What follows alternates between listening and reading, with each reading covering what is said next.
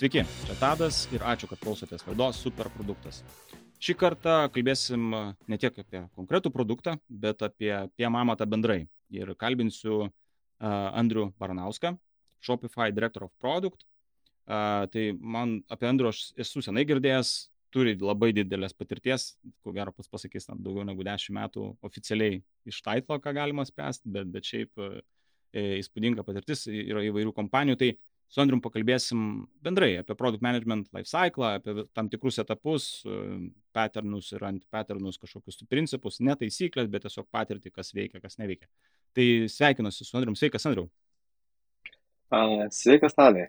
Labai, labai malonu būti čia. Tai labai džiaugiuosi, kad prisijungiai. Žinau, kad esi užsiemęs ir, ir šiaip klausytojams esi kitoje Atlanto pusėje, Toronte, Kanadoje ir ankstyvas visai rytas, gal netoks jau ankstyvas, apie 8 valandas, bet vis tiek ačiū už, už tai, nes kai kurie galbūt dar tuo metu vartosi lovai, tai mes, kaip sakyti, jauti užžagujimam. Aš, žinai, taip ir irgi tą pokalbį tokias kelias dalis norėčiau suskirstyti. Tai pradžioje tokia įžanga bendrai apie tavo patirtis, pasikalbėti ir paskui didesnę dalį laiko a, jau skirti tokiam, na, per amatą, čia pavadinkim, ne produkt managemento tokius e, pagrindinius e, etapus nuo komandų formavimo iki roadmap ir panašiai. Papasakok pradžiai tada labai įdomu tavo apskritai kaip piemo karjerą, kaip prasidėjo ir kaip atsiradai Shopify. Nes, nu, Shopify viena iš tų tokių tikriausiai didžiausių organizacijų pasaulyje, sakykime taip, ne produktinių organizacijų, visiems tikrai žinoma, didelė organizacija. Tai apie tai irgi trumpai pakalbėsim, bet pačio kelias iki Shopify, kaip, koks jisai buvo ir kodėl pasirinkai piemo amatą? Mano, mano kaip produktisto kelias tai prasidėjo labai gal taip anksti, nes aš kai, kai buvau gal 14-15, pradėjau dirbti prie, prie website pirmo, kartu su, su, su draugu, tokiu Tadu, mes įkūrėm saitą, vadinasi F1 LT. Jis, jis buvo apie Formulę 1. Dar dabar yra. Ir dabar, dabar irgi yra, taip. Ir a, ta, a, tai, tai website'as, kaip sakant, labai daug ten visko, a, bet tai iš tikrųjų buvo pirmas toks tikras gal produktisto darbas, nes reikėjo apie, apie dalykus galvoti nuo iki. Aišku, tame buvo ir daugiau, buvo ir programavimo, dizaino, mes vis, viską darėm nuo iki ir, ir straipsnius rašėm ir panašiai.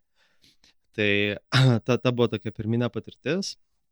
Ir, ir po to, kai man jau atėjo laikas dirbti full time ir panašiai, aš nuėjau dirbti pradžioj tokiu labai labai junior programuotoju, slash designeriu, a, HTML ir, ir panašus dalykai. Padirbau taip metus, po to nuėjau projektų vadybą agentūrai, agentūrai, kuri dirba, darė websaitus. Ir po to aš tiesiog sužinojau apie produktisto darbą Ir, ir, ir tas pasidarė labai patrauklu, nes e, kai tu dirbi agentūroje, tai realiai jau žmonės ateina su mintim, idėja ir tavo, tavo darbas yra realiai tiesiog įvykdyti. Ir tu gali kažkiek tai turėti įtakos į tą sprendimą, bet, bet realiai, nu, tu, tu už rezultatą per daug neatsakai. Uh, ir, ir tas gaunasi tada ne taip, gal angliškas žodis geras yra fulfilling. Um, ir uh, pradėjau po truputį žiūrėti į produktų galimybės ir Lietuvoje tuo metu praktiškai nebuvo. Ir uh, man pasisekė, kad, kad Vytas Pukštys, kuris tuo metu ir vis dar uh, vadovauja Skimi, uh, ieškojo produktistų ir, uh, ir aš aplikavau, man atrodo, dar 2009 metais pas jį nieko neįvyko tada, po metais vėl ieškojo ir tada, tada mane pakvietė į pokalbį ir aš gavau tą darbą. Uh, ir uh, kas, kas gal buvo įdomu su, to, ta pradžia mano produktisto, tai yra, kad kompanija buvo maža, mes buvom realiai dviese produktistai su, su, su Paulu Skrabutėnu, kuris irgi, irgi yra labai, manau, žinomas Lietuvos, Lietuvos produktistų komunitėje. Um, ir, ir mes bandėm sukurti socialinį, socialinį tinklą Afrikai, Pietričio Azijai ir panašiai, ir sekėsi visai neblogai. Išskyrus tą dalį, kad mes tiesiog neuždirbom pinigų tuo metu. Ir tam tikrų metų pinigai baigėsi ir, ir aš likau be darbo. Tai mano, mano pirmas, pirmas produkto darbas baigėsi maždaug po metų. Kas, kas buvo gerai, kad po to pinigai atsirado ir Vytas mane pakvietė atgal.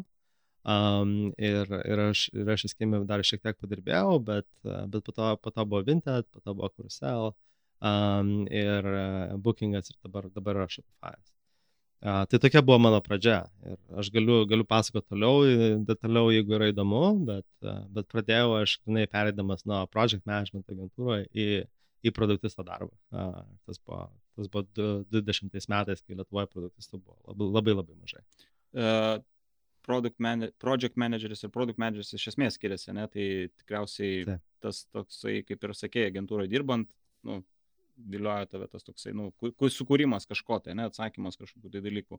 Gali dar gal pasakyti, bet motivacija tavo, kodėl sugalvoji, bet ar, ar tai buvo taip aiškiai išreikšta, nu, sakykim, okei, okay, ar minėjai nebuvo tada kaip tokio, ne, dešimti metai, tai vat es buvai girdėjęs tada kad čia jo ir aišku ką ką reikia daryt ar tiesiog labiau už tai kad buvo patirtis nes nu nuo keturiolikos metų vebsaitą sukurt kuris ir dabar yra žinomas tai yra visai kietai jo tai pagrindinis skirtumas tuo metu buvo ir aš manau vis dar dabar yra tas skirtumas tarp sakykime project manager ir product manager uh, tas momentas kad project manageris iš tikrųjų yra vykdytojas ir jo tikslas yra įvykdyti kaip įmanoma geriau uh, ir kaip įmanoma pigiau ir greičiau right? like, Tai uh, tada toks, uh, to, toks tavo darbas. Ir tas darbas, viskas su to darbu yra gerai. Uh, bet klausimas, kas, kas tau įdomu, kas tau motivuoja. Ir su laiku, kai gal tu daug, daug laiko praleidai dirbdamas tokį darbą, tu pradedi galvoti daugiau apie tai, ar tu teisingą dalyką vykdai iš tikrųjų. Ar, ar tai yra geriausias sprendimas tai problemai ten ir panašiai.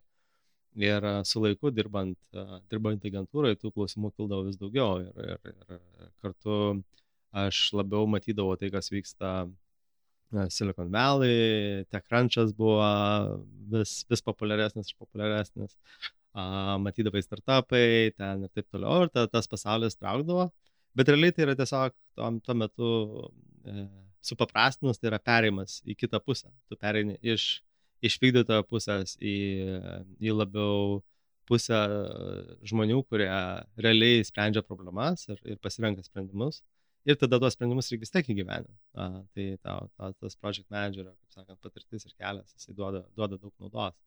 Perinant į product management, bet esminis skirtumas, kad tu iš, iš vykdytojo iš, iš tikrųjų tampi problemų sprendėjai. Ir, ir tada tikrai turi atsakomybę už rezultatą, o ne tik už kokybę tenai, kainą ar, ar laiką. O kaip mokėsi product management, apskritai product manager, nežinau, pagrindų, profesijos kaip tokios, ne kažkoks Kok, koks buvo tas mokymasis? Labai minimalus. Aš, aš save vadinčiau e, savo mokslu didžiąją dalim. Ir e, vėlgi, tuo metu, kai aš pradėjau, nėra, nebuvo taip, kad kažkokios tai knygos egzistavo, grinai product managemento. E, jeigu, jeigu ieškotum tuo metu Amazonė ten ar panašiai, įvestum product management, ne, nelabai kažkas būtų. Arba būtų dalykai, kurie būtų iš consumer uh, packaged goods, like, uh, tai yra kaip, kaip būtų geriau product manager, pavyzdžiui, šampūno brando ten arba, arba telekomo brando ten ar panašiai, kur yra panašumų, bet, bet ne tiek, nes, nes tas galbūt klasikinių industrijų product managerio darbas yra labiau marketinginis, o, o manau, tech jis yra labiau artimesnis gal general manager roliai. Tai, tai, tai yra gana, gana didelis skirtumas. Ir a, galbūt kas mane paruošė, tai tie būtent eksperimentai pačio, bandymai daryti ir auginti produktą pačiam. Fienas LT, po to buvo Gazas LT ir, ir panašiai. Ir, ir, ir ta vadinama vykdymo patirtis, nes tu tada supranti nuo A iki Z, kaip tu ką darai ir, ir, ir, ir važiuoji priekin. Ir aišku, labai, labai padėjo man pradinis, tas, pradinis darbas. Tai yra Vyto guidance'as, kaip ką reikia daryti ir, ir koks yra tikslas ir kam, kam mes šitai darom. Atsimenu dar, kaip Vytas mane pasodino į, į kambariuką ir davė 20 telefono numerių ir sakė, dabar, dabar tu tiesiog skambins ir klausi, kaip, kaip žmonės naudoja mūsų produktą. Ir, ir tai buvo žiauriai baisu ir, ir atrodė, kad kam čia ir, ir kaž, kodėl čia produktistas tai turi daryti ir panašiai. Ir taip. Ir aišku, Paulas. Like, Paulas, Paulas buvo projekto manažeris ilgiau negu aš tuo metu ir, ir aš iš jo turėjau tikrai, tikrai labai nemažai ką išmokti. Ir kas buvo gerai, kai tu pradedi startupę, pavyzdžiui, tokiam kaip, kaip eskimi, tai uh, projekt managerio darbas yra labai platus. Uh, ir, ir tu darai tiesiog viską, ko, ko reikia. Ir, ir taip gali pasiremti tais dalykais, kur tu esi stiprus. Ir kartu pasimokyti dalykų, kurie yra tikras projekt managerio darbas ir kartu pasimokyti dalykų, kurie gerokai plačiau. Uh, nes, tarkim, vienas, vienas iš dalykų, prie kurio aš turėjau dirbti tuo metu, tai tiesiog uh, vykdyti marketingo kampanijas. Uh, visiškai random šalise, nes mes ieškojom tiesiog product market fit, bet market būnant, like, tikrinant vis šalis uh, ir, ir žiūrint, uh, išleidai ten, pavyzdžiui, šimtą ar tūkstantį dolerių uh, vienoje šalyje, žiūri, o, o, koks yra rezultatas, lygini šalių rezultatus ir pasirinkai, kurioje kurio šalyje iš tikrųjų tu leisi daugiau pinigų ir tas, tas davė ir marketingo, performance marketingo skills ir, ir, panašiai. Uh, Tai, tai tokio formalaus, formalaus mokymosi nebuvo. Sakyčiau, pradžia mano tokio gal formalesnio mokymosi atsirado gal po trijų metų, po dviejų, trijų metų. Ir, ir pirma knyga, kuri tikrai buvo tokia gal game, changing šitoje srityje, buvo Lean Startup, uh, kuri, kuri tikrai mokė tokių principų kaip, kaip iteracija, metrikom pagrįstas uh, proto valdymas, ten vartotojo balso įtaka ten ir taip toliau, tokie dalykai. Ir, ir po to jau buvo daugiau dalykų. Buvo hookinga, buvo product ownerio trainingai ir, ir panašiai, bet, bet šitie dalykai buvo gal tre, trečiais, ketvirtais metais mano, kaip sakant, darbo, darbo product management. Tai ta patirtis, nu, per patirtį, ne, tos žinios, žinios per patirtį, ne, ir, ir, vat, nes, okei, okay, tai tos lietuviškos kompanijos, ne, minėjai, Vintedas buvo, tada Carousel, čia jau nelietuviška, Bookingas jau vėlgi nelietuviška ir Shopify, tai kaip ta, tas ta karjeros kelias į tas užsieninės kompanijas, kur aš įsivaizduoju ir konkurencija yra didesnė, uh, tai čia vadinasi tas, na, žinių bagažas, jisai per praktiką, žodžiu, toks susidarė toks nemažas, kad uh, gebėjai pasikonkuruoti ir pasaulinių lygmenių, ne? Man, man iš tikrųjų labai pasisekė. Ir, ir tas, kur, kur tokia sėkmė buvo per, per prizmę labai gal tokių greito augimo ir, ir spaudimo greitai aukti, nes aš patekau Vintat ir, ir su Vintat istorija buvo tokia, kad aš, aš pradėjau kompaniją konsultuoti ir, ir, ir esamą komandą konsultuoti, kai dar dirbau Eskime. Ir, ir po kelių mėnesių prisijungiau prie kompanijos, kaip, kaip product manageris paleist uh, uh, mobile, mobile appsus. Uh, ir, ir produktas buvo visiškai desktop ir, ir, ir sėkmingai augo, būdamas desktop produktas. Uh, ir um, kai mes paleidom mobile, mes pradėjome augti dar greičiau. Uh, ir uh, kaip to rezultatas aš pradėjau auginti komandą ir kartu su, su Ingrida, kuri buvo tuometinė produkto, produkto vadovė overall, mes pradėjom bendrai valdyti visą produktą, auginti komandą ir uh, iš product managerio, būt turėdamas gal 3 metų patirtį, aš tapau uh, vėlgi kartu su Ingrida bendrų vadovų uh, uh, Vinted produkto funkcijos ir, ir ne tik produktą, bet uh, mes rūpinamės ir inžinieringų, ir dizainų, ir data, ir, ir taip toliau. Tai, uh, tai šitas, šitas dalykas, kai žmogus po ten dviejų, trijų metų patirties, būdamas product manageris, tampa realiai executive, uh, kompanijos, kuri greitai auga, uh, manau, buvo labai labai didelis sėkmės faktorius, nes aš tikrai nebuvau ready tam. Ir uh, į, mes pradėdavom, aš pradėjau vaikščioti ir, ir, ir keliauti vintat uh, valdybos posėdžius ir pirmus metus kiekvienam posėdį būdavo ten vienas, du slaidai, kaip e, kompanija ieško mano, mano ir Ingridas replacement. E, bet laimiai mes buvom Lietuvoje ir e, vienas dalykas, kad kandidatai, kurie atvažiuodavo į Lietuvą, jie nebuvo gal tokie stiprus ir nebu, iš tikrųjų, kai pradėdavom su jais kalbėti, tai toliau nesijausdavo, kad yra kažkoks labai jau ten didelis gepas. Ir kitas dalykas buvo, kad uh, daug kas tiesiog nenorėjo atvažiuoti į Lietuvą. Tai, uh, tai tas, tas davė tokį gal labai didelį laimės faktorių ir, ir, ir mes galėjom išlaikyti savo darbuose, aukti juose, tose rolėse ir panašiai. Tai šitas dalykas tikrai nepasitaiko kasdien ir čia yra labai tikriausia laimės buvimo reikiamą vietą ir reikiamų laikų momentas. Nu, ir įmonės ir... branda tokia, ne, ankstyva, kur yra tas didelis augimas, kaip minėjai, tai va čia tokia susimeta. Taip, taip, taip, taip. taip. Jo, tu, tu, kaip sakant, yra įmanoma maksimizuoti šansus tam, bet, bet tai yra labai taip nė, nėra dažnas atvejis, kad tu ateini į kompaniją, kuri auga ten keturis kartus per metus ten, ir, gauna finansavimą kas metus ir, ir eina per. Kartais būna, būna blogai, kartais būna gerai, bet tu, tu per tą dalyką mokaiesi.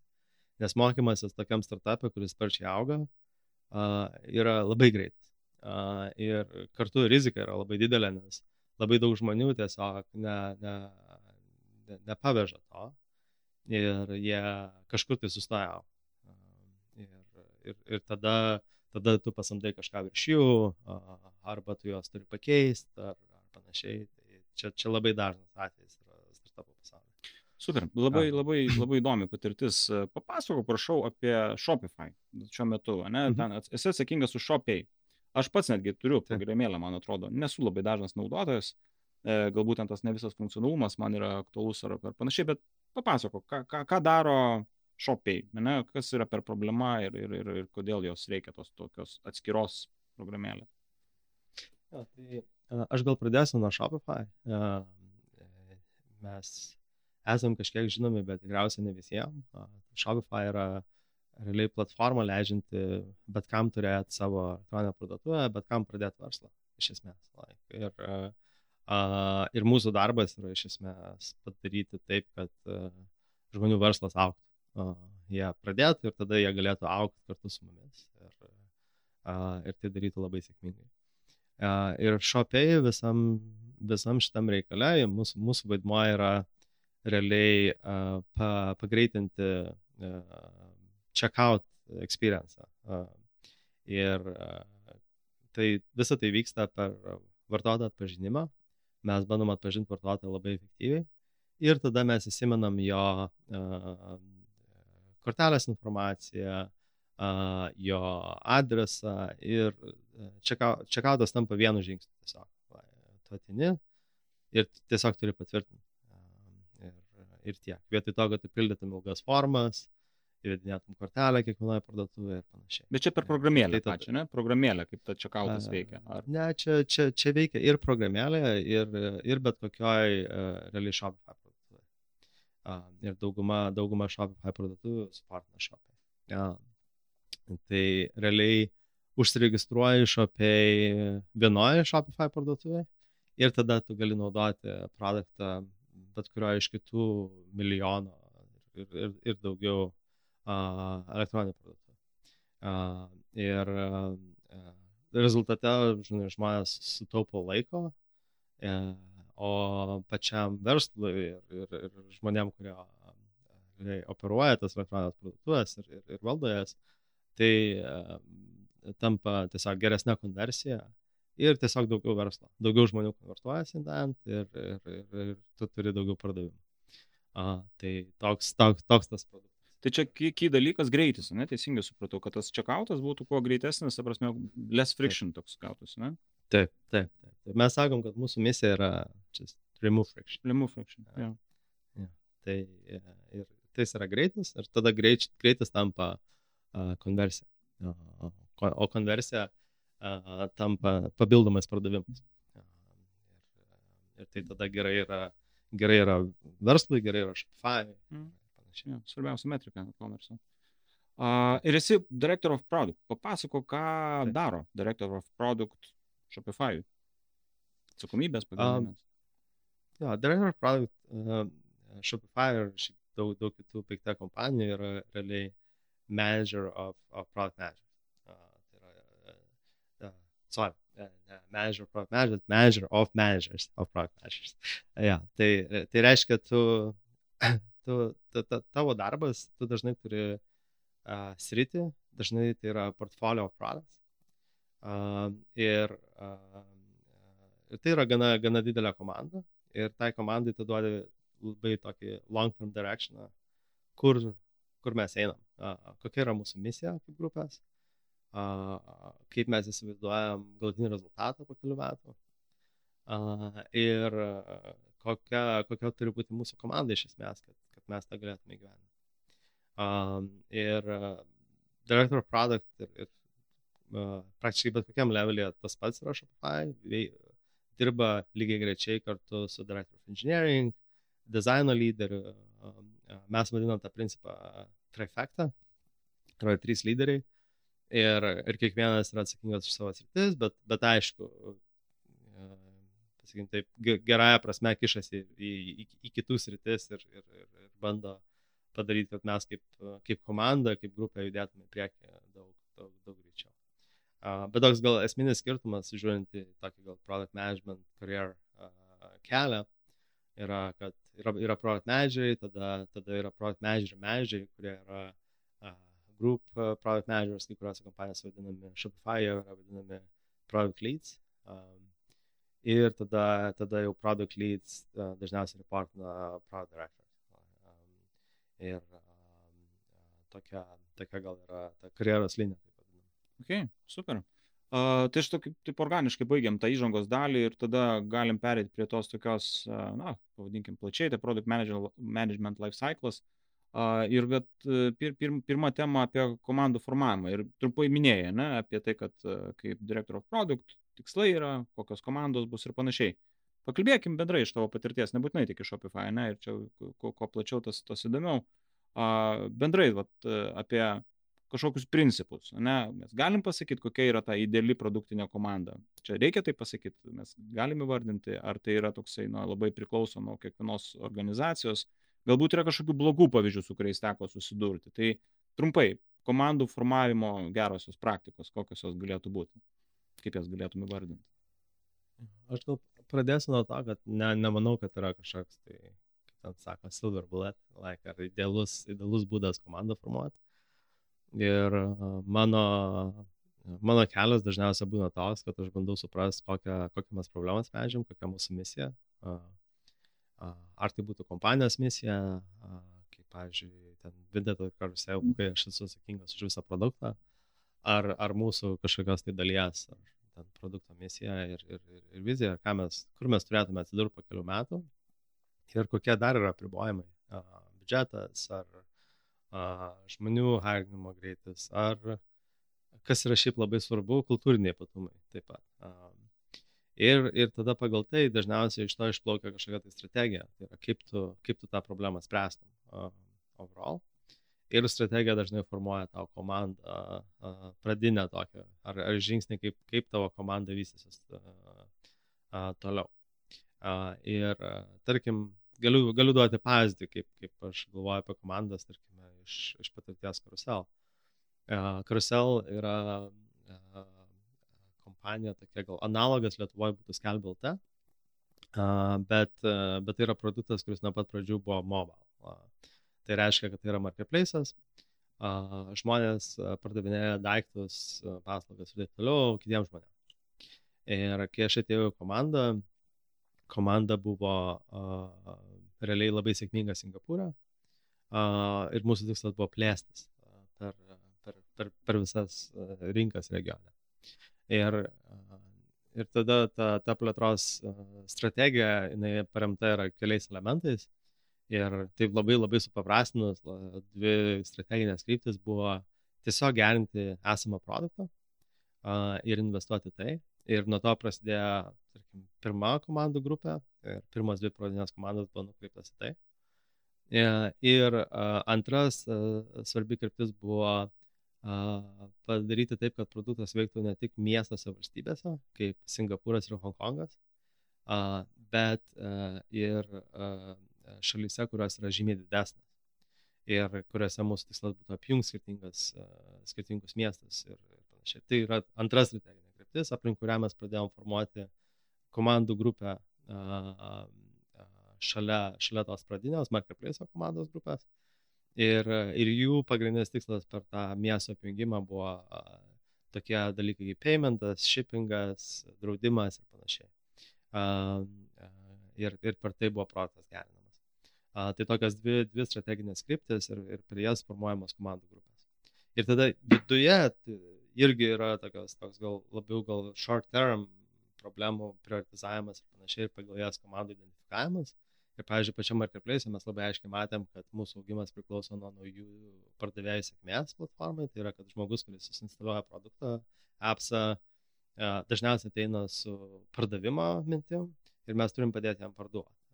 Ir realiai parduoti, sėkmingai parduoti. Ir nuo to mūsų produktas iš tikrųjų auga. Ir mes aplink tai tada sukuriam komandą, duodam misiją tai komandai, padidink to, kaip sakant, naujo appso naudotojo konversiją į sėkmingą pardavėją. Ir, ir tada komanda įtaruoja ir pasiekia tą rezultatą. Tai tokie, toks paprastas principas, kad a, pirmiausia yra strategija, tada tu formuoji komandas ir tu turi vaizdą komandą iš esmės gerokai prieki ne, ne tai, kad, pavyzdžiui, kokios komandos vien tik tai dabar, bet kaip tavo komanda iš tikrųjų auks per artimiausius 12, 18, 24 mėnesius ir, ir kryptingai, kryptingai dirbi kalbant dar porą tokių klausimų yra, tai gal nuo vieno, nuo mhm. pirmo, apie komandos dydį. Galim čia mes taip įvardinti, nu, toks gal nėra pats pagrindinis dalykas, bet vis tiek gali būti tikriausiai, man pačiam asmeniškai su vairiaus dydžio komando teko dirbti, ne, nu, kalbu apie developerių tenai sąstatą, kiek ten yra dizainerių ir panašiai uh, product managers, sakykime, ne? ar, ar yra kažkoks skaičius, kur jau sakom, jau komanda yra per didelė ir reikėtų, sakykime, daryti ten dvi komandas arba apskritai, ar maža komanda, kokia mažiausia komanda gali. Tai vad komandos dydis. Aš uh, sakyčiau, kad maksimalus komandų dydis, kai komanda dar yra efektyvi, yra maždaug 12-13 žmonių. Uh, kažkas virš to tampa, tampa gana sudėtinga. Bet vėlgi tie dalykai labai priklauso. Priklauso nuo to, ar tu esi, ar komanda dirba prie problemos, kur yra kaip sakant, jau labai aiškiai išsiaiškinta ir, ir, ir tiesiog tu turi vykdyti ir, ir tiesiog yra aišku, ką reikia vykdyti, sėkmės šansai dideli ir panašiai. Vis tai dažniausiai priveda prie vis didesnių ir didesnių komandų, nes tu gali tiesiog mesti žmonės į problemą, dažniausiai mesdamas daugiau žmonių, tu pasiekia didesnį greitį. Uh, tokioj būtent situacijai uh, ir, uh, ir tada tai veikia. Uh, ir yra, kaip sakant, kita situacija, kur uh, niekas nėra aišku, problema yra labai neaiški ir sprendimai, kaip sakant, gal šiek tiek ryškėja, bet vėlgi tu nežinai, ar, teis, ar čia iš vis teisinga execution kryptis ir tu nori eksperimentuoti, eksperimentuoti greitai ir taip toliau. Tada komandos iš tikrųjų turi būti labai mažas. Um, sakant, šeši žmonės, mažiau negu šeši. Esu matęs labai gerai tokiam, tokia stadijai e, dirbančių komandų, kurias yra tik tai 3 ir 4 žmonės. Uh, Kitas dalykas yra dar, sakykime, vietiniai niuansai. Ir šitas dalykas yra labai labai labai svarbus faktorius, nes um, aš, aš turėjau galimybę dirbti Rytų Europai, po to Azijai, po to Vakarų Europai, dabar dirbu Šiaurės Amerikai. Ir, uh, ir žmonių uh, esminis toks matodas, kuris lemia gal komandos sudėti, dydį ir panašiai, yra tai, kiek žmonės yra universalus. Kiek jie yra plataus profilio traktoristai, taip lietuviškai sakant. Ir, uh, uh, ir šitas dalykas, like, plačiausi žmonės yra Šiaurės Amerika, uh, siauriausi žmonės yra Azija. Šito požiūrį. Azija yra viskas aplink tai, kaip būti pačiu pačiu geriausiu specialistu tam tikroje siauroje srityje. Tai filmas Jiro Dreams of Sushi, labai gera iliustracija uh, ir, ir, ir, ir štai tas kraftas ir panašiai yra žiūri, žiūri geras bet visa tai veda tada prie labai specializuotų rolių, labai, labai didelių komandų ir, ir labai daug darbo realiai alaininant visą komandą ir, ir padarant taip, kad visi žinotų kažkiek tai, kur, kur viskas eina, kur kiekviena rolė ir panašiai. Ir tada yra Silicon Valley, US, kur žmonės yra labai, labai plataus profilio. Uh, jie nebūtinai yra patys geriausi tam tikroje srityje, Labai retai, kada tai būna. Uh, bet tu tada turi, uh, pavyzdžiui, yra inžinieriai, kurie gali subilinti produktą nuo A iki Z. Vienas inžinierius, pavyzdžiui. Uh, nebus tai geriausias ten appsas, nebus tai geriausias backendas ir panašiai, bet jie gali pakorinti viską geram levelį. Uh, ir, uh, ir gali būti tas pats inžinierius, būti labai geras produktistas to pačiu. Ir, ir, ir dirbti produkto roliai. Uh, Arba gali būti dizaineris, kuris gali proto rolę pakorinti. Arba produktistas, kuris gali data pasirūpinti ir panašiai. Dėl to komandos gali būti labai mažas tokia situacija. Ir, ir tada, pavyzdžiui, ten rytų Europa yra kažkur per vidurį. Uh, vakarų Europa yra kažkiek arčiau Silicon Valley. Bet nedaug arčiau. Nes specializacija Europai vis dar yra svarbi. Bet ne tiek svarbi kaip Azija. Ir konkrečiai gal piemų darbę, kad labai pasijaučia, tai yra kiek produktistas yra a, tuo pačiu ir verslo vadovas. Nes, pavyzdžiui, Europai ir, ir sakyčiau, ypač Azijai, produktistas labai dažnai yra perinamas su verslo žmogum. Arba komandai, arba, arba už komandas ribų. Silicon Valley tas beveik neegzistuoja, nebent tu dirbi labai B2B kompanijai ir panašiai, nes produktistas yra verslo žmogus. Uh, ir, ir tas dėja nėra dalykas, tarkim, per daug Europoje, ypač Azijoje. Okay, okay, įdomu. O dar tada tos kit, kita dimensija komandos narių pastovumas, sakykime, ne. Nu, čia kaip pavyzdys, yra kažkokios tai kompanijų nustatytos iniciatyvos ir, sakykime, priklausomai nuo tos iniciatyvos kažkokio galimo atsiperkamumo mes tada skiriam resursus prie vienos ar kitos ir tai reiškia, kad žmonės keičiasi kas ketvirtį, kas pusmetį. Ar tai yra ok ar ne ok? Nu, ta, nu, prasme, suprantu, kad čia nėra kažkokio vieno atsakymo, bet tavo ta, įdomu ta, ta, tas požiūris, ne, kai komanda, kuri turi misiją kažkokią, sakykime, mane ten nors tarą ir ten du metus dirba prie to, nu, ten gali keistis galbūt minimaliai, natūraliai tas žmonių sąstatas. Versus, kai komanda yra suformuojama ten ketvirčiui, galbūt dviem ketvirčiam, mane pasiekia kažkokį tai padaro ten features ar dar kažką ir vėl tada kitą kažkokią iniciatyvą, nes jinai yra svarbesnė ir tada vėl tenai, vėl miksas žmonių, vėl išskaidimas. Tai va, tokie du pavyzdžiai už ir prieš tavo nuomonę. Faktas, kad uh, pastovios komandos nėra, pasakykime, efektyviausias žmonių išnaudojimas. Ten, Aš manau, tas, tas, tas yra faktas. Uh, uh, kalbant apie tai, kaip tu gali išspausti, pavyzdžiui, iš vieno žmogaus, ką tu gali gauti, ne? Like, uh, bet uh, overall, jeigu tu jeigu komandos keičiasi kas, kas tris mėnesius, jos niekada netampa komanda. Jos yra tiesiog žmonės priskirti prie kažkokio tai projekto ir realiai tada tu neturi komandą, tu turi projektus ar projektinės kažkokias grupės. Mhm. Ir tarkim, kur yra galbūt geriausias dalykas ir kur, kaip, kaip tie dalykai veikia iš mano patirties, tai yra, sakykime, kai kompanija yra maža ir tu realiai turi ten dvi, gal tris komandas, ta, ta žmonių kaita tarp komandų gana dažna, veikia visai gerai, nes realybė iš tikrųjų yra viena komanda. Žmonės pakankamai sugeba išlaikyti kontekstą prie to, ko jie dirba, žmogiški santykiai taip pat yra, kaip sakant, labiau kompanijai negu komandai. Ir, ir visą tai tada gali veikti, tu turi, gali turėti daugiau lankstumo, bet kai kompanija tampa vis didesnė ir didesnė ir didesnė, tas toks žmonių vaikščiojimas iš komandos į komandą dažnai tiesiog pačią komandą labai disruptina ir, ir tu tada uh, turi lankstumą, bet tu neturi performance, grinai, žmonių kaip grupės uh, kartu ir, ir kartu pačios ir ties suvokimo, kuris išsilaiko ilgiau. Uh, tai uh, manau, kad startupuose uh, uh, ir, ir tokiose tech kompanijose geresnis principas yra pastovesnės komandos.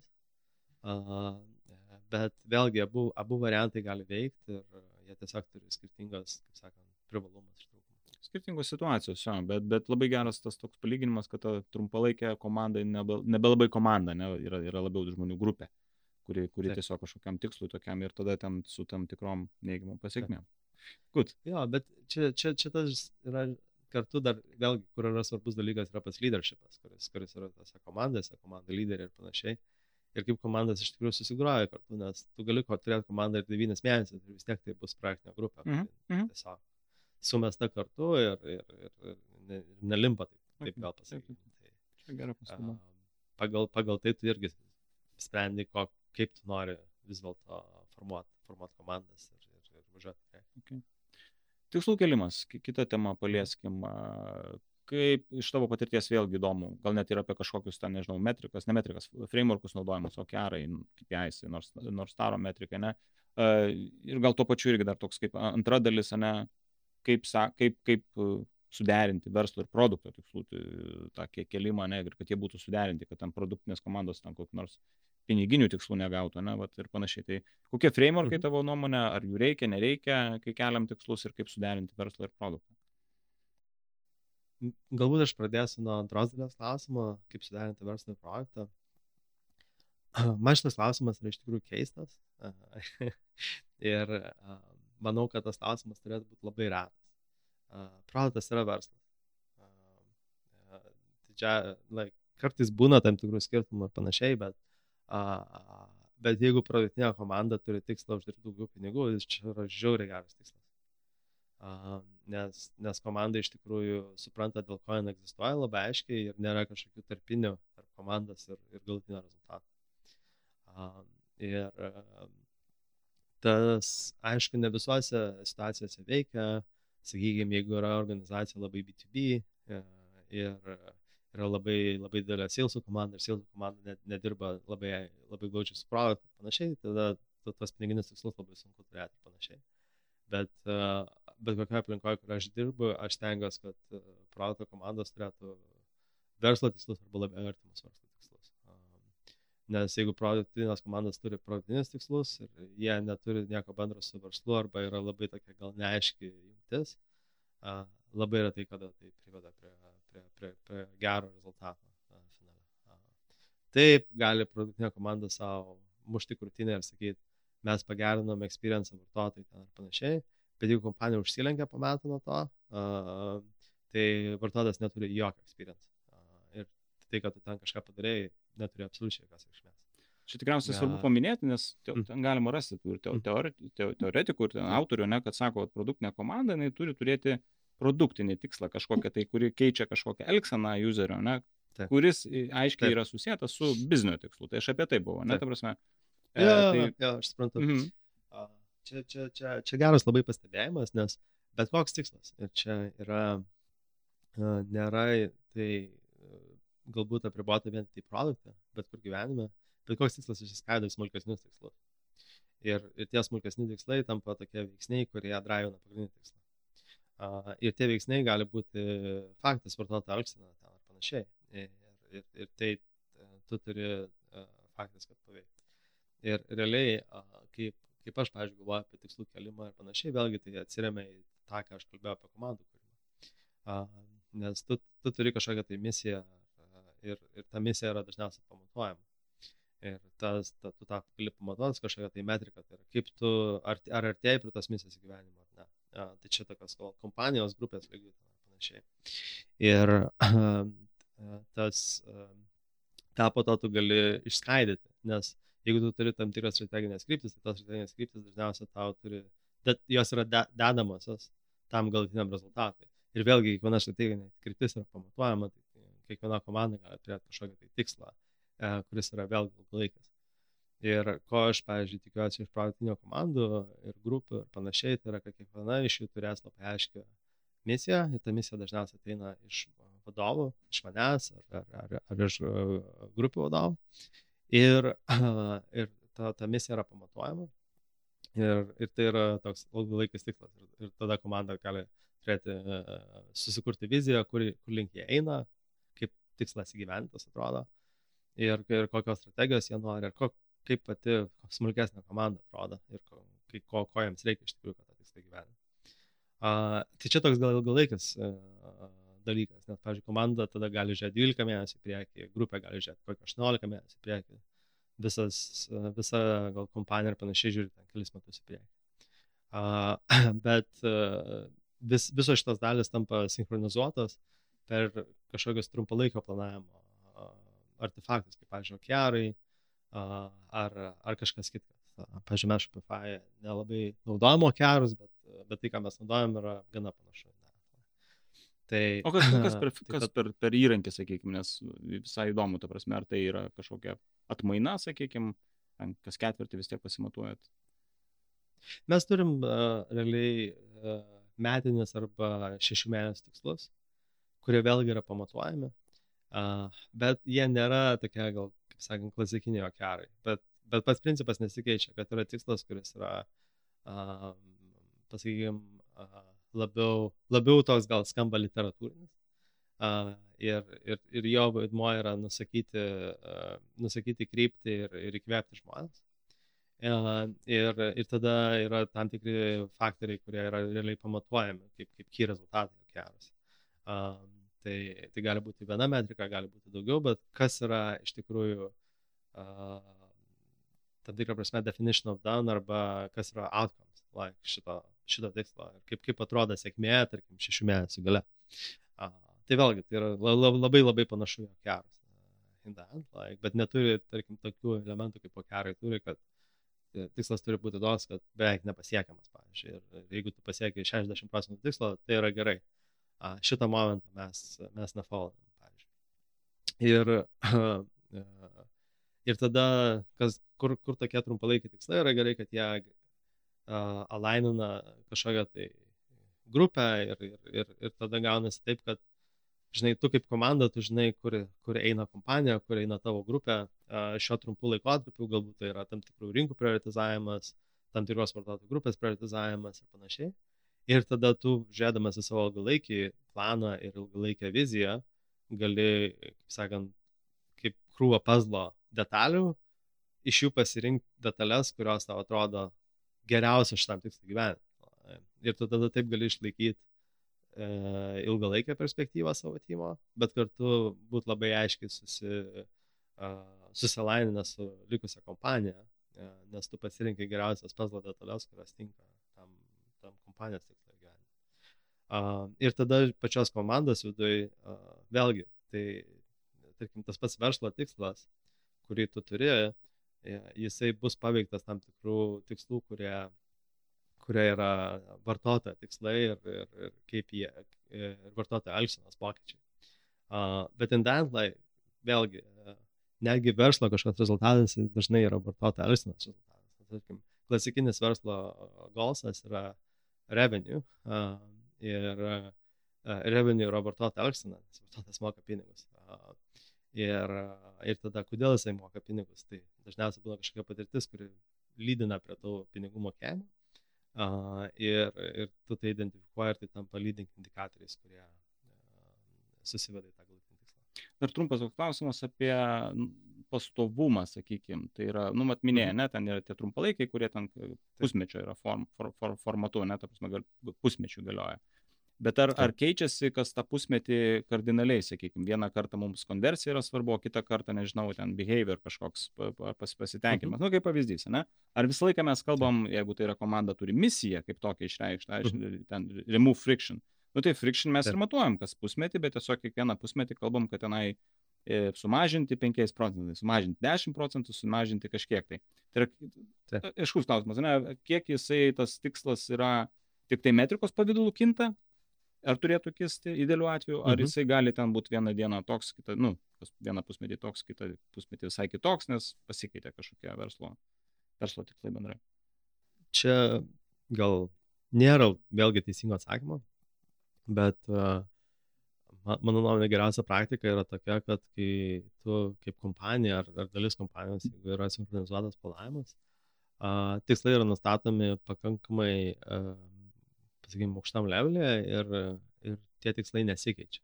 O, bet keičiasi priemonės ir išpildymas, kaip, kaip, kaip tu gali tą tikslą pasiekti.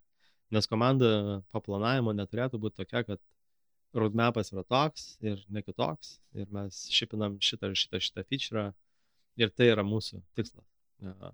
Tikslas yra, mes norim išspręsti šitą problemą ir mes pamatuosim šitą problemą taip ir tada priemonės spręsti tą problemą, tą laikotarpį jos kinta.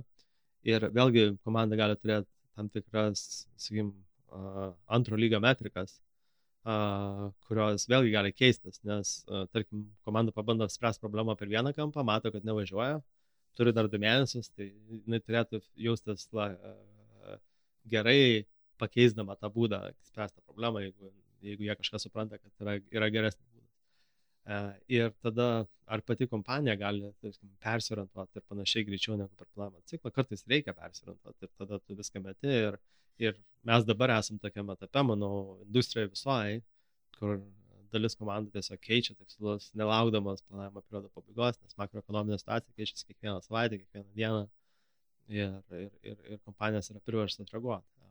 Tai, tai kartais vyksta. Ir aišku, komandos galbūt levelė, kas yra svarbu, vėlgi pripažinimas e, laiku, kad e, tikslas yra negyvenimas. Ir, ir kartais jį teks pakeisti. Uh, tai, tai turėtų būti irgi ok ir, ir kuo anksčiau tas yra pripažįstama, to geriau. Okay. Pereikim dar tada prie kitos temos, aptarėm komandų formavimą, tikslų kelimą mhm. ir toks, kaip sekantis žingsnis, sakykime, mane yra tas toksai, na, discovery, taip vadinant, pagal knygą, sakykime, mane, bet tai yra iš principo apie problemą. E, tai yra Taip. kažkokių problemų identifikavimas, e, nežinau, tavo naudojami mėgstami frameworkai ar šiaip va, tą svarbą pabrėžti, nes, nu, ko gero, čia yra key įgūdis produktisto, bet bendrai product management, ne, tai yra identifikuoti problemas ir jas išspręsti. Turi kažkokių, nežinau, patarimų, a, kokie yra būdai paprastai geriausi, nu, įvairių yra, ne, ten, kokybiniai kažkokie tai apklausos, visą kitą, bet ką pats mhm. mėgsti, ta prasme, kaip susisteminti tą informaciją, vat, greitai, sakykime, mane, galbūt naujam žmogui prisijungus prie kompanijų, kaip pa, pa, pa, pa, paimti ir suprasti, kad jo, turim top 5, top, top 10 kažkokių dalykų, iki problemų, kurias galima būtų toliau prioritizuoti. Ne? Ir apie prioritetus irgi tada, kaip sakant, tokį galėsim pakalbėti, kaip nustatyti juos. Tai pradžia apie tas problemas, kaip galvoju geriausiai jas išsigryninti, kokie yra būdai. Aš manau, Discovery visada susiveda į tokį gal esminį momentą, tai yra problemos suskaidimas į mažesnės problemas ir sugebėjimas prioritizuotas problemas, uh, suprasti jų dydį ir uh, panašiai. Ir svarbus elementas, bet manau, ne, nėra absoliučiai būtinas, vis dar svarbus, yra segmentavimas vartotojų. Ir, ir vartotojų segmentavimas su, susijęs su problemom, nes vieni vartotojai turės vienas problemas, kiti vartotojai turės kitas problemas ir kai kurios problemos bus bendros ir panašiai. Ja. Tai čia yra end rezultatas, kurį PM turi turėti visą laiką. A, ir jis tiesiog gerės, tas suvokimas kartais prastės ir panašiai. Ir tada yra realiai dažniausiai trys, uh, trys esminiai būdai gerinti tą suvokimą. Tai vienas, vienas būdas yra uh, kokybinis ir kokybinis būdas yra dažniausiai geriausias, nuo kurio pradėti. Um, ir kokybinis yra tiesiog uh, ėjimas, ėjimas į pasaulį ir kalbėjimas su žmonėm. Um, ir kokybinis duoda labai dažnai tokius, to, duos problemas, bet tu nežinosi, kiek jos yra didelės. Tu gal, gal matysi kažkiek, kad jos kartojasi panašiai, bet, bet tai nebus kažkoks tai toks gal uh, suvokimas, kad va, šita problema yra didesnė negu šita. Uh, bet tai jau duos tokią, kaip sakant, uh, aš mėgstu sakyti, kad kokybiniai dalykai padeda tau suformuoti apklausą arba data užduotį ir tada eiti kiekybinius. Ir, ir, ir tada, tada įsijungiau tą kiekybinę pusę, kuri vėlgi ne visada gali eiti paraleliai, bet, bet, e, bet kokybinė tave išmoksta, parodo, ko žiūrėti toliau, ko ieško dėtojai, kokias apklausas daryti ir panašiai. Ir tada tu eini į kiekybinę ir tu jo, ieškai dėtojai, darai apklausas tam, kad sugebėtum prioritizuoti problemas, kurios yra didesnės, kurios yra mažesnės ir panašiai. Ir, ir tada trečias dalykas tai yra rinkos pulsas, rinkos suvokimas, suvokimas, ką daro kiti produktai, suvokimas, kaip tos problemos sprendžiasi ne kituose konkurencingose produktuose, bet tiesiog kitokiuose produktuose, kurie nėra tavo konkurentai, bet galbūt susidūręs tam problemom anksčiau. Um, ir, ir panašiai. Tai toks, toks gal yra kompleksas kaip, kaip aš žiūriu į Discovery ir, ir, ir kas manau veikia. Jo, tai čia nėra ko gero geresnio būdo, kaip pradėti kalbėtis e, su, su, su klientais tiesiog, ne, tais e, customeriais. Ir, Taip. ir paskui kažkokią pasidaryti tą kiekybę. Ir, čia, ir, čia, ir čia vėlgi, čia nėra toks procesas, kuris yra nuo iki ir jis yra vėlgi suvokimas kažkoks tai, uh, problemas ir klientų visada egzistuoja.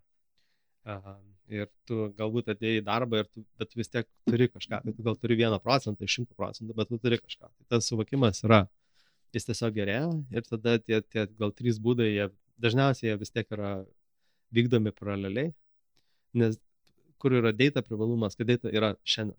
Like, tu gali dažniausiai eiti į data ir, ir susivokti ir, ir panašiai, plus yra kažkokia anks, anks, anksčiau prieš tave būsiu ar dabar dirbančių žmonių, uh, reportai ten ir panašiai, ir tu gali kažkokią tai dalyką jau formuotis. Ir, uh, uh, bet jo, bet čia, čia galbūt yra esminiai elementai viso, mm. viso proceso. O kaip su prioritetais tada, kaip pats naudoji, ta prasme, tai nėra taip straightforward tikriausiai, nu, teoriškai labai paprasta, nes, sakykime, tai turėti tikslus, ir pagal juos tada kažkaip tai mepinti, bet na, vis tiek tos opportunities reikia kažkaip tai įvertinti, ne? Tai, ta prasme, ar pats, mhm. patys naudojat, ar pats naudodavai kažkokius tai metodus, kad, sakykime, susibražyti nu, prioritetų sąrašą, ne? kad tai labai ir paskui jo susitarti su organizacija. Kokie tavo įrankiai naudojami? Aš gal, ma, mano toks metodas yra artimiausias tikriausia ICE arba RISE frameworkui. Ir čia, čia einant labiau galbūt į sprendimus uh, problemų, nes pačios problemos ir sizingas yra daugiau toks labiau, okay, koks procentas vartotojų su to susiduria, kiek jos yra didelės. Uh, tai, o solution jau tada eina ICE arba RISE. Uh, gal mano toks nukrypimai nuo to yra tai, kad aš netikiu abstrakciją. Uh, ir, pavyzdžiui, komanda turi labai aišku tikslą ir tas tikslas turi labai aišku KPIs. Tai kiekvienas uh, dalykas, kurį tu ruošiesi daryti, turėtų būti vertintas, uh, kokį jisai padarys pokytį tai metrikai. Uh, ir tas vertinimas turi būti tikslus.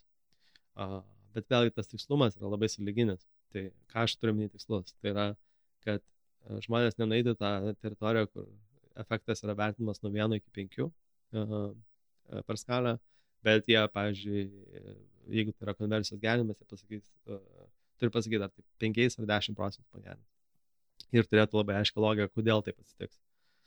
Uh, ir, uh, ir tada, kai po kažkiek laiko tu tai šipinsi, tai bus rinkai, tai bus pamatuota, tu įrašysi šalia to, koks buvo end rezultatas ir, ir tu iš to mokysiesi geriau nuspėt, kaip tavo feature'ai veiks ateityje ir tavo, kokie tavo pradinė assumptionai iš tikrųjų nepasiteisino.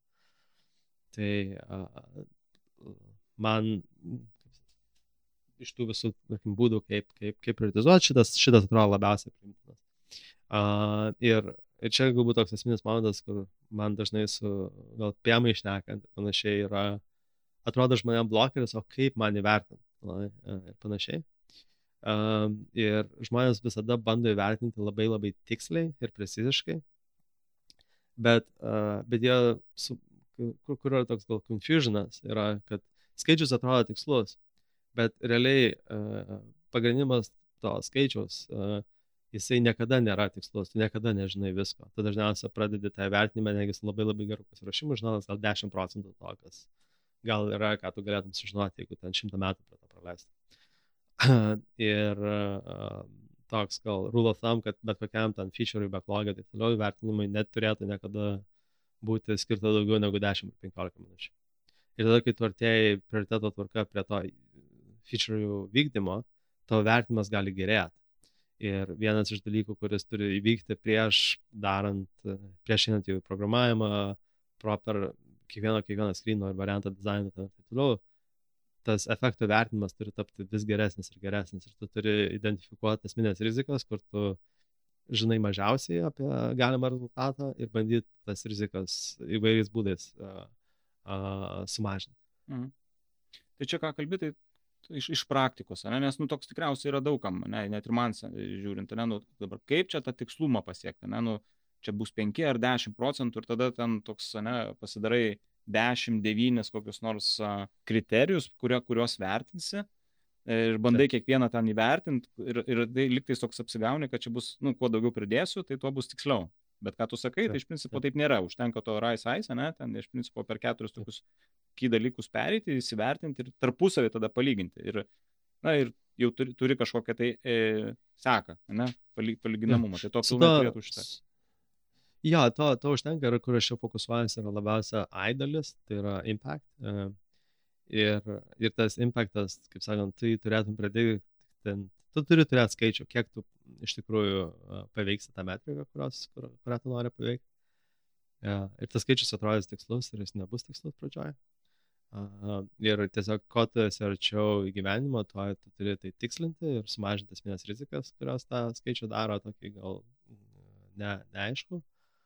Ir manau, kažkiek panašumo yra galvojant ir apie effortą. Tai yra, kiek, kiek tai užtruks. Ir effortas iš tikrųjų ateina dažniausiai iš to inžinieringo partnerio. Ir, ir vėlgi šitas skaičius, jisai turi tapti vis tikslesniu, tu, kuo tu esi labiau arčiau uh, pačio darimo, nes turi būti planavimas ir, ir panašus dalykai. Bet pradžioje, tarkim, kad tau tiesiog surušiuot backlogą ten ir panašiai, tam tu neturi sugaišti, nežinau, daugiau dešimties minučių kiekvienai lūtėjai. ir, ir tada jau po to tu gaišti daugiau laiko dalykams, kurie yra pačiam viršuje. Mhm. Nu, pagal prioritetų tą svarbą. Taip.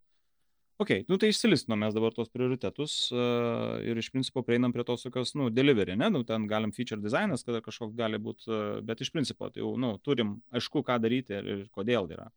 Uh, kaip su delivery dalim? Uh, kiek uh, product managers turi būti, uh, nežinau, techniškas, išmanyti techninius niuansus, tam programavimą ir panašiai, ar tai jis labiau toksai kaip uh, komandai nurodantis kryptį ir tada, nu, aš jau apie inžinieringą kalbu iš principo, ne, ir tada jau inžinieringas ten pasiema ir vertina, tai yra tas santykis tada piemo ir inžinierių. Mhm. kokios tavo patirtis čia? Um, piemas iš esmės yra uh, žmogus, kuris neša atsakomybę už galutinį rezultatą dažniausiai. ir, uh, ir vykdymas yra labai svarbus. Ir delivery dalis yra labai svarbi tam galutiniam rezultatui. Um, iš tikrųjų, think, aš manau, kad mūsų industrija eina link to, kad piemai pačiam delivery žaidžia vis mažesnį ir mažesnį vaidmenį ir tai yra gerai. Uh, delivery managementas dabar yra inžinierių rankose. Uh, ne visur, bet, bet aš manau, link to, link to labai aiškiai einama. Uh, bet vėlgi, yra, yra toks gal momentas, kad jeigu engineering managementas nėra stiprus, uh, piemas turi sugebėti padėti ir prisidėti na, ir, ir kompensuoti. Čia vėlgi yra tas, tas momentas, kaip piemas kiekvienam gepė turi realiai įžengti ir, ir, ir, ir pridėti vertės, kai tai yra reikalinga. Uh, bet indent pasirinkti, ar tai yra kanbanas, ar skramas, ar, ar kažkas kitkas, nėra piemo darbas uh, dabar. Uh, ir uh, piemas dažniausiai gali pridėti daugiau vertės kituose dalykuose. Ir tada tai, ką tu, tavo įtaka šitam dalykui ir panašiai turi būti daugiausia per darbą su inžinierių menedžeriu, eskalavimo problemų, kai jos yra aiškios, uh, tarkim, delivery procese ir panašiai. Uh, bet uh, jeigu, jeigu PM'as bando daryti discovery, ir delivery, ir uh, žmonių craftą managint ir panašiai, tai dažniausiai prie gero. Per daug, ne? O kodėl galvoji, tas vat, at, at, nu, įvyksta toks, uh, tai yra produkt manageris dabar, kaip ir, ei, sakai, trendas, kad nebeatsakingas už tą delivery nedalį. Ta prasme, yra ta delivery manageris, ten engineering manageris. Ta, kodėl tai vyksta? Ar kad, nu, nežinau, apskritai komandos didėja, ar čia yra tiesiog, kad, nu, fokusas kažkoks turi būti, kokios priežastys? Manau, kad yra fokusas ir skillsai. Uh, ir uh, ir yra elementarus laikas, kur tu, kur tu gali praleisti laiką ir kur tu gali sukurti didžiausią vertę uh, ir kartu kaip, uh, kaip menžini žmonės. Nes uh, žiūrint į tokį gal komandos managementą, dažniausiai yra gal trys dalykai, kurie yra uh, svarbus žmonių managementą. Uh, yra, yra purpose, kuris yra iš esmės tikslas, like, kodėl tu tai darai.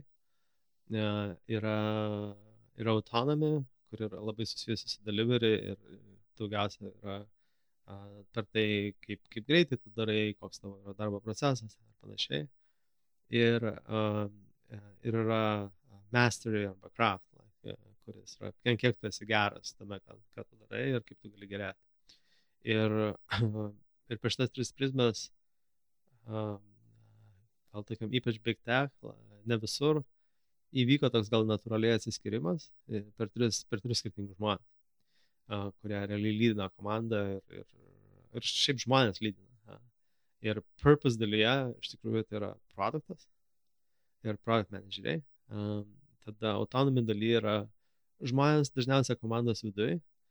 Gali būti ir vienas iš inžinierių, gali būti kažkoks inžiniering lydas ar panašiai. Dažniausiai tai yra inžinieringo žmogus, kuris realiai sužiūri delivery ir rūpinasi, kad komanda būtų kiek man labiau self-organized ir savo procesą ir panašiai. Ir tada master yra žmogus, kurio titlas dažniausiai yra engineering manager, kuris net nebūtinai yra komandai, bet jo darbas yra padaryti taip, kad žmonės auktų. Ir auktų tame, ką jie daro. Uh, ir, ir tai susiveda dažnai tris, ar, tris skirtingos rolės arba dvi rolės, kurios šiek tiek overlapina. Tai labai dažnai gal tos dvi paskutinės rolės susiveda vis dėlto engineering manager, kuris gali būti ir komandai. Tai kai jis yra komandai, tai gali būti tas pats žmogus kai žmogus nėra komandai, tai gali būti du skirtingi žmonės. Uh, ir tai turi privalumų, trūkumų tame, bet, uh, bet tai veikia gana gerai. Okay. Pakalbėjom apie piemo ir inžinierių tą santykį. Trumpai aptarkim piemo ir dizainerių, nes nu, ypatingai svarbi dalis šitas trikampis, ne, ta prasme, Taip. verslas produktas, inžinieriai ir, ir, ir tada dizainas kaip toks, ta prasme, useriai, plačiai galime vadinti. Kaip čia yra, ta prasme, kiek produktistas turėtų būti, nežinau, išmanyti nu, principus galbūt, ne kiek kištis turėtų būti ir vėlgi kiek, kiek laisvės turėtų atiduoti user experience dizaineriams, sakykime, okay, mūsų tikslas yra toksai, ne, ir tada, nu, tai yra, kiek, kiek vėlgi tas toksai savarankiškumo atidavimas dizaineriam versus, kad ten micromanaging ir, ir designinti features, ne pačiam kaip, kaip product manager.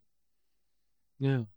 Tai faktas, žinai, kad nei, nei su inžinieriais dirbdamas, nei su dizaineriais dirbdamas, tu neturi, žinai, tu turi kiek įmanoma mažiau kalbėti apie uh, dalykus, kurie yra, žinai, what, tai yra ten pikseliai ar, ar konkretus kodas, ten ir panašiai, net jeigu tu tą kodą supranti.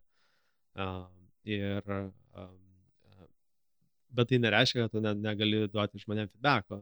Ir uh, kai, kai tai nėra, tarkim, nėra geriausias variantas ir tu turi minčių, kaip tai gali būti geriau. Bet vėlgi, kaip jeigu tu dirbi su inžinierium ir, ir tu nori paveikti to inžinieriaus galbūt darbo rezultatą, tu kalbi ne apie tai, kad tu čia parašai blogą kodą, bet tu kalbi apie tai, kad ar, ar visą tai gali veikti greičiau, ar mes turim kažkokią tai galimybę optimizuoti, jog tai būtų kažkoks greitesnis dalykas. Ir su inžinieringu tas overlapas vyksta dažniausiai deliveryje. Ir, ir kažkiek tai pla, planingė pačiam su dizainu vėlgi visą tai daugiausia vyksta galbūt Discovery'e. Ir dažniausiai dizaineris yra tavo partneris researchą darant, ypač kai kompanijos neturi dedicated researchą. Ir be abejo, kažkiek tai, kažkiek tai vykdyme ir, ir, ir definitioną, bet tenai vėlgi, tu net, neturi būti tas žmogus, kuris ateina ir sako, hei, mygtukas yra ten penkiais pikseliais iš šono Jeigu, to, jeigu tau reikia duoti tokį feedbacką, tai tikrai yra kažkokia didesnė problema negu, tarkim, tiesiog tas, tas, tas specifinis produktas, prie kurio jūs dirbat. Uh, bet tai dažniausiai susiveda į tai, kad uh, ar, ar vėlgi, ar šitas dizainas įvykdys tą tikslą, kurio mes siekiam. Ir tu kaip jamas, tavo darbas yra uh, užtikrinti, kad vėlgi solutionas, kuris eina į rinką, jisai išspręs problemą. Ir jeigu jisai neišspręs, ne, jeigu tu žinai, kad tai neišspręs problemos, tu turi tuo pasirūpinti ir, ir duoti žmonėms feedbacką, kad galutinis rezultatas davestų iki to. Okay. Ja, per, per feedbacką. Grįžtamasis ryšys svarbu labai, ko gero, tiek pačiam piemui, tiek piemas, ne, tinkamai gebėtų išsakyti čia tas toksai. Good. Dar tada tame tokia pabaigai jau prie tos tokios life cycle dalies, ne, tai yra komunikacija ir gal kažkiek siauriau, roadmap uh, slash versus release planas, ta prasme, release planningas, ne. Nu, yra, man, man, mano supratimu, tai yra du skirtingi dalykai, dažnu atveju tenka susidurti, kad tai yra kaip sinonimai naudojami, ne, tai tavo supratimu, kas yra roadmapas, kas yra release planas? Mano patirtis didžioji daly yra su consumer produktais dirbant su consumer productais roadmapas yra dažniausiai lygus releasam. Labai yra tai, kada tu, sakykim, sudevelopini produktą ir tu jo nereleasini. Gapas ant to yra labai labai mažas. Ir, ir dažniausiai release yra labai rapid ir, ir jie pasiekia didžiąją dalį žmonių labai labai greitai. A, tai čia toks gal uh, disclaimeris, pradedant apie, apie tai kalbėti. Uh, mano nuomonė yra uh, tokia, kad konstanta yra šitoje vietoje yra misija arba problema ir matavimas tos problemos sprendimo ir progreso ir komunikacija apie tai. Ir, e, ir visų pirma apie tai. Ir tik po to apie roadmapą ir, ir, ir prioritetus ir panašiai. Aha. Nes roadmapas, prioritetai ir panašiai egzistuoja tam, kad tu išspręsim problemą, kad tu pakeltum metriką, bet ne patys iš savęs labai daug protų žmonių įsivelia į labai niekur nevedančias diskusijas, ar štai idėja gera, ar štai idėja yra gera, be konteksto tikslo ar problemos ten sprendimo. Ir kai tu komunikuoji apie problemą ir tikslą ir kaip tau sekasi siekti to rezultato, visi, visos šitos diskusijos tampa gerokai paprastesnės. Mhm. Tai čia yra ir... dalykas turėti tą metrika, ne, tai yra tas, ta, ta misija mano, mano tikslai ir, ir roadmapas, ar tai release planas, gal tada tampa netaip svarbu, yra tik tai įrankis pasiekti, tai ir komunikuoji ne apie įrankį, ne, bet apie rezultatą, kaip jisai Taip. kinta. Taip, čia yra ideali situacija. Nebūtinai tu turėsi tą idealią situaciją, bet tai yra ideali situacija ir kas prie jos dar yra svarbu, tai yra nepamiršti, kaip tavo problema sprendžia didesnę problemą, kurioje organizacija, kaip, kaip visą tai susiveda į kažką tai daugiau. Nes vėlgi, tu komunikacija yra labai svarbu susijęti dalykus ir padaryti taip, kad būtų labai aiškus gal tas contribution kelias. Ir, uh, ir, ir tada tu, tu, tu gali turėti labai, sakant, aiškę, aiškę istoriją, kurią tu kartuoji kiekvieną kartą ir, ir kur tu susijai dalykus, kuriuos tu darai, vėlgi su to tikslu. Ir tada dalykai, kuriuos tu darai, jie keičiasi. Aš asmeniškai tai esu labai alergiškas roadmapams in general, uh, nes manau, kad kai žmonės kalba per daug apie roadmapus, panašiai prisiriša prie tam tikrų dalykų, kuriuos jie darys ir jie jos daro, net kai supranta kažkur pasąmonėje ar kažkur tai jau yra data ir panašiai, kad tai yra nonsensas ir tu neturėtum tų dalykų daryti, jie vis tiek jos daro, nes jie komunikuodavo tą roadmapą, visa kompanija yra prisirišus prie to roadmapo ir, ir labai yra sunku tą dalyką pakeisti. Uh, bet realiai tai, ką tu darai, yra tiesiog priemonės uh, tam kažkokiam tikslui uh, padaryti ar problemai spręsti perinant prie pabaigos jau po truputėlį dar toks bendras galbūt ir apibendrinantis galėtų tavo būt atsakymas tai yra produktisto dėmesio paskirstymas strategija versus operaciniai kažkokie dalykai versus taktikos. Nu tai suprask tenai pasirinkt kažkokį tai developmento deliverio būdą ane kur produktistas turėtų labiausiai vat skirt tu minėjai ne kartą misijos yra svarba ane taip pat apie komunikaciją bet yra tam tikri operaciniai dalykai įgyvendinti, net tarp, tarp komandų kažkoks bendradarbiavimas ir taip toliau, kad, nu, pro, procesus kažkokius nusistatyti ir sleš tada tai taktiniai kažkokie dalykai. Turi kažkokį tai va tokį, kad, na, teisingas to dėmesio ir fokuso, nes visi turim limituotą laiko, ne, tai, ta prasme, tai kažkur reikia mhm. pasiskirsti, tai kur skirdamas dėmesio produktistas galėtų pasiekti, nu, labiausiai, daugiausiai impakto, ne, tos vertės sukurti. Um, geras klausimas, kartu labai sudėtingas, nes vėlgi e, priklauso, priklauso labai nuo situacijos. Aš galbūt kalbėsiu, manau, į tą galima pažiūrėti labai skirtingais kampais ir gal pradėsiu aš nuo levelio ir tada tu mane gal pakoreguok, žinai, kaip, kaip, kaip gal geriau šitą, apie šitą problemą kalbėti. Uh, tai uh, product, product manager kelias eina skirtingais leveliais ir aš manau, kad jie yra gana panašus skirtingose kompanijose. Ir uh, yra kai kurie žmonės pradeda nuo Associate Product Manager, APM uh, rolės. Ir kai tu esi APM rolė, uh, tavo tikslas yra mokytis. Ir tu turi savo laiką ir dėmesį paskirstyti per tai, kad tu kuo daugiau išmoktum ir, ir, ir, ir, ir sugertum. Uh, iš tavęs nėra tikimasi, kad tu būsi independent, ypač pradžioj. Uh, tai reiškia, kad tu visada shadowinsi kokį nors PM ar panašiai. Ir, tau, ir tada su laiku, uh, tarkim, APM programos dažniausiai yra 12 mėnesių ir panašiai, tu turi ramp upinti savo independence, kad, pavyzdžiui, paskutinį trečdalį tos programos tu galėtum jau būti independent PM ir, ir, ir įrodyti, kad tu gali operating kaip independent. Uh, kas yra independent, tai reiškia, kad tu gali šipinti kažką tai uh, nuo A iki Z. Uh, ir tu gali problemą paversti solutioną, solutioną šipinti ir panašiai. Ir čia yra galbūt tai, aš jau perinu į PM rolę, Vėlgi, piemas, piemo tikslas yra shipping. Uh, shipping ir suvok, kaip tai performina.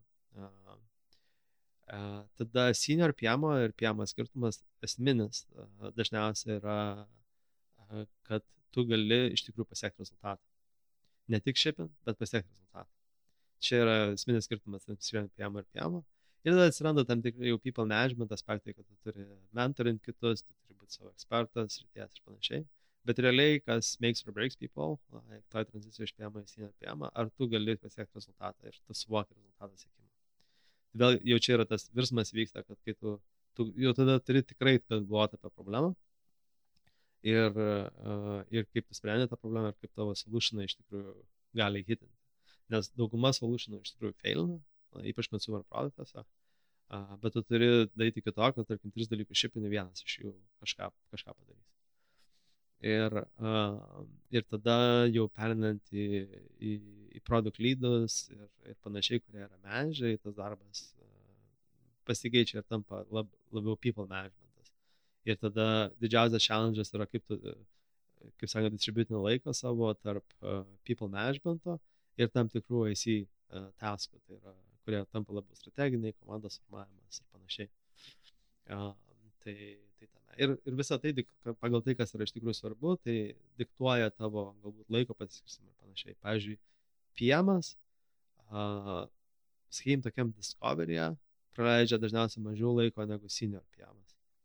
Ir, uh, ir bet tada lydas, kadangi senior product lydas ar product lydas ar direktorius, jisai tada tam tokiam discoveryje platesniam praleidžia gerokai daugiau laiko ir tokiam long term planning'e praleidžia žymiai daugiau laiko negu hands-on darbe. Mhm. Ja, super. Manau, kad tai puikiai rezumuoja tą visą tokį pasikalbėjimą, ne? Tai vis tiek yra tos tokios uh, brandos etapai kažkokie, nesakyk, ne tik organizacijos, bet ir žmogaus. Uh, super. Uh, prieš pabaigą dar toksai bendras uh, klausimas, uh, gal porą tokių klausimų, ne, ir tada galėsim perėti prie tų pagrindinių, pagrindinių, kaip aš sakau, greitų trijų klausimų pabaigos. A, tavo nuomonė, nemažai organizacijų pats esi buvęs, kiek svarbu PM išmanyti industriją ir specializuotis vienoje industrijoje, ne? tai sakykime, ar tai būtų fintechas, ar e-commerce, marketplace'ai, versus Taip. skirtingų industrijų patirtis. Ne, aš pats toks labiau iš, iš tokių skirtingų ir, ir, ir, a, ir fintecho kažkiek, tai ir, ir bendrai atekas ten buvęs, dabar vėlgi visai, visai kitoks pobėdis. Tai kiek yra tavo nuomonė svarbu įsigilinti industriją ir, sakykime, ar tai ten vienoje toj būtų srityje, ar kaip tik yra kažkoks miksas, o galbūt tai yra relevant iš viso klausimo. Šitas, čia, čia, čia yra geras klausimas, aš manau, kad um, mano gal toks teikas, kur aš net, net nesu labai confident, ar, ar tai yra teisingas požiūris, yra, uh, manau, kad tokia specializacija industrijoje turi žymiai daugiau reikšmės aukštesniam levelį negu žemesniam levelį. Tai yra, jeigu tu esi piamas ir aš senior piamas, tu gali būti gana flexible, nes darbas yra gana panašus. Bet vėlgi, kuo tu daugiau laiko praleidai Discovery'e, uh, kuo svarbus pasidaro uh, Discovery'is ir suvokimas pačios rinkos, tas to, to svarbiau yra ta, ta, ta rinkos patirtis ir, ir panašiai.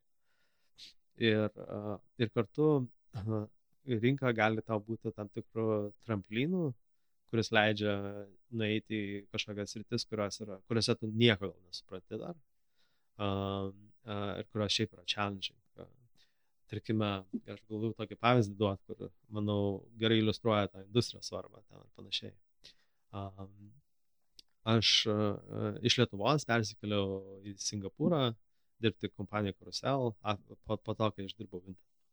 Ir, ir aš tą šansą turėjau dėl industrijos patirties, nes industrija yra labai panaši ir, ir aš galėjau atsinešti industriją A, bet aš atėjau į kultūrą, kurios aš visiškai nežinau, a, į rinkas, kurių aš visiškai nežinau. A, ir, a, bet a, tai, ką žinau, buvo tas gal pakankamas dalykas to, ką žinau ir tada tu tai susijęs tai, ko tu nežinai. Tai, tarkim, galvojant apie savo karjeros žingsnius ir panašiai, tu gali į tai labai gerai atsiremti ir tada gauti šansą žiūrėti tai, kas yra nauja ir plėsti akiratį ir panašiai. Uh, ir tada kuo tu esi labiau senior, tuo, tuo ta industrija tampa labiau menas, tuo daugiau tave jinai lokinina tam tikrą prasme, nes tavo galimybės, finansinė kompensacija ir panašiai bus labai skirtinga, jeigu, pavyzdžiui, darysi tą patį, ką tu jau darėjai ir parodai, kad tu darai labai sėkmingai, versus bandymas daryti kažką visiškai kito. Ja, net jeigu to titlas yra tas pats, ten, pavyzdžiui, ten senior product lead ar, ar, ar VP of product ir panašiai. Super. Manau, kad tai puikiai rezumuoja mūsų apskritai visą pasikalbėjimą, ne, tai tos patirtis yra, sakykime, visos geros tikriausiai ir priklauso nuo kontekstų, tai čia apibendrinti galbūt irgi sunku. Bet tada, jo, tai ačiū už tą pagrindinę dalį e, pasikalbėjimo, man buvo asmeniškai labai įdomu išgirsti tavo nuomonę. E, ir tada perinam, jau finalizuojam pasikalbėjimą, trys greiti pabaigos klausimai. E, knyga, kurią norėtum rekomenduoti?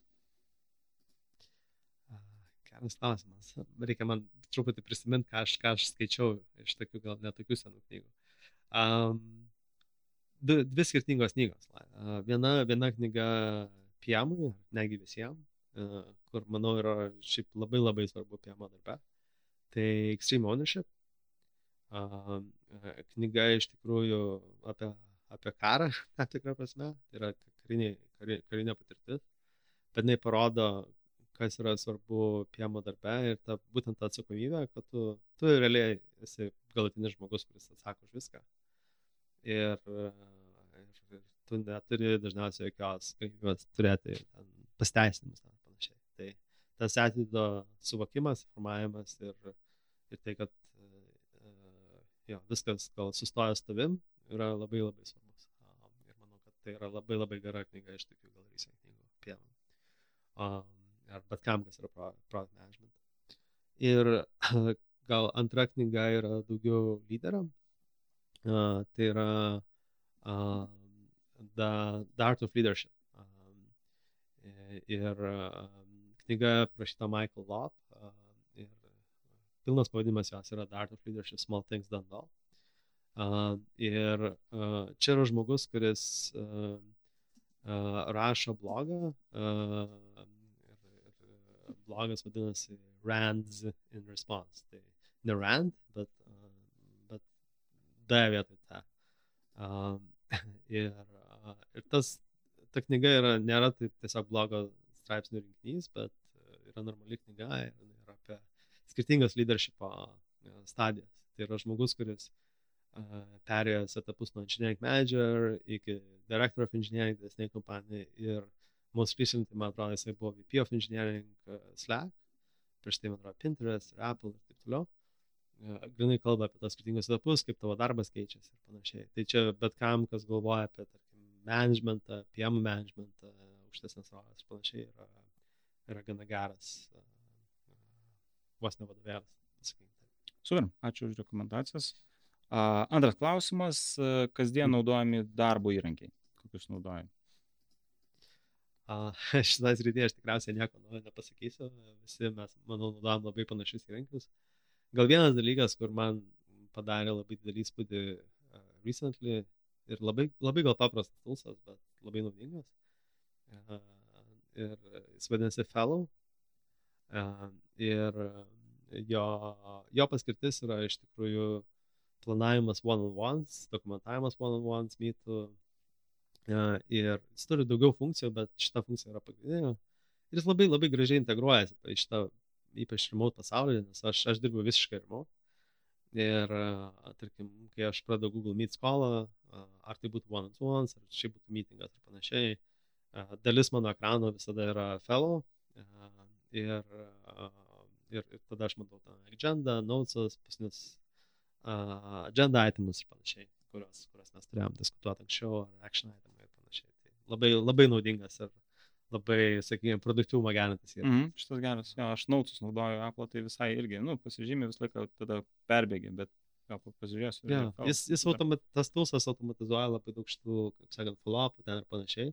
Ir sakau, esminis gal jo toks privalumas, kad atini mytą ir, ir tai tiesiog yra tavo myto lange. Ir, ir ypač jeigu naudojamas yra įrankis Google Meet, kaip, kaip telekonferencijų platforma, tai šalia to tu tiesiog tam pačiam ekrane matai šalia per browser pluginą, agenda, notesus ir, ir, ir abi pusės gali live editinti tai. Tai tas, tas, tas yra labai Na ir paskutinis klausimas, tavo patarimas produktistui.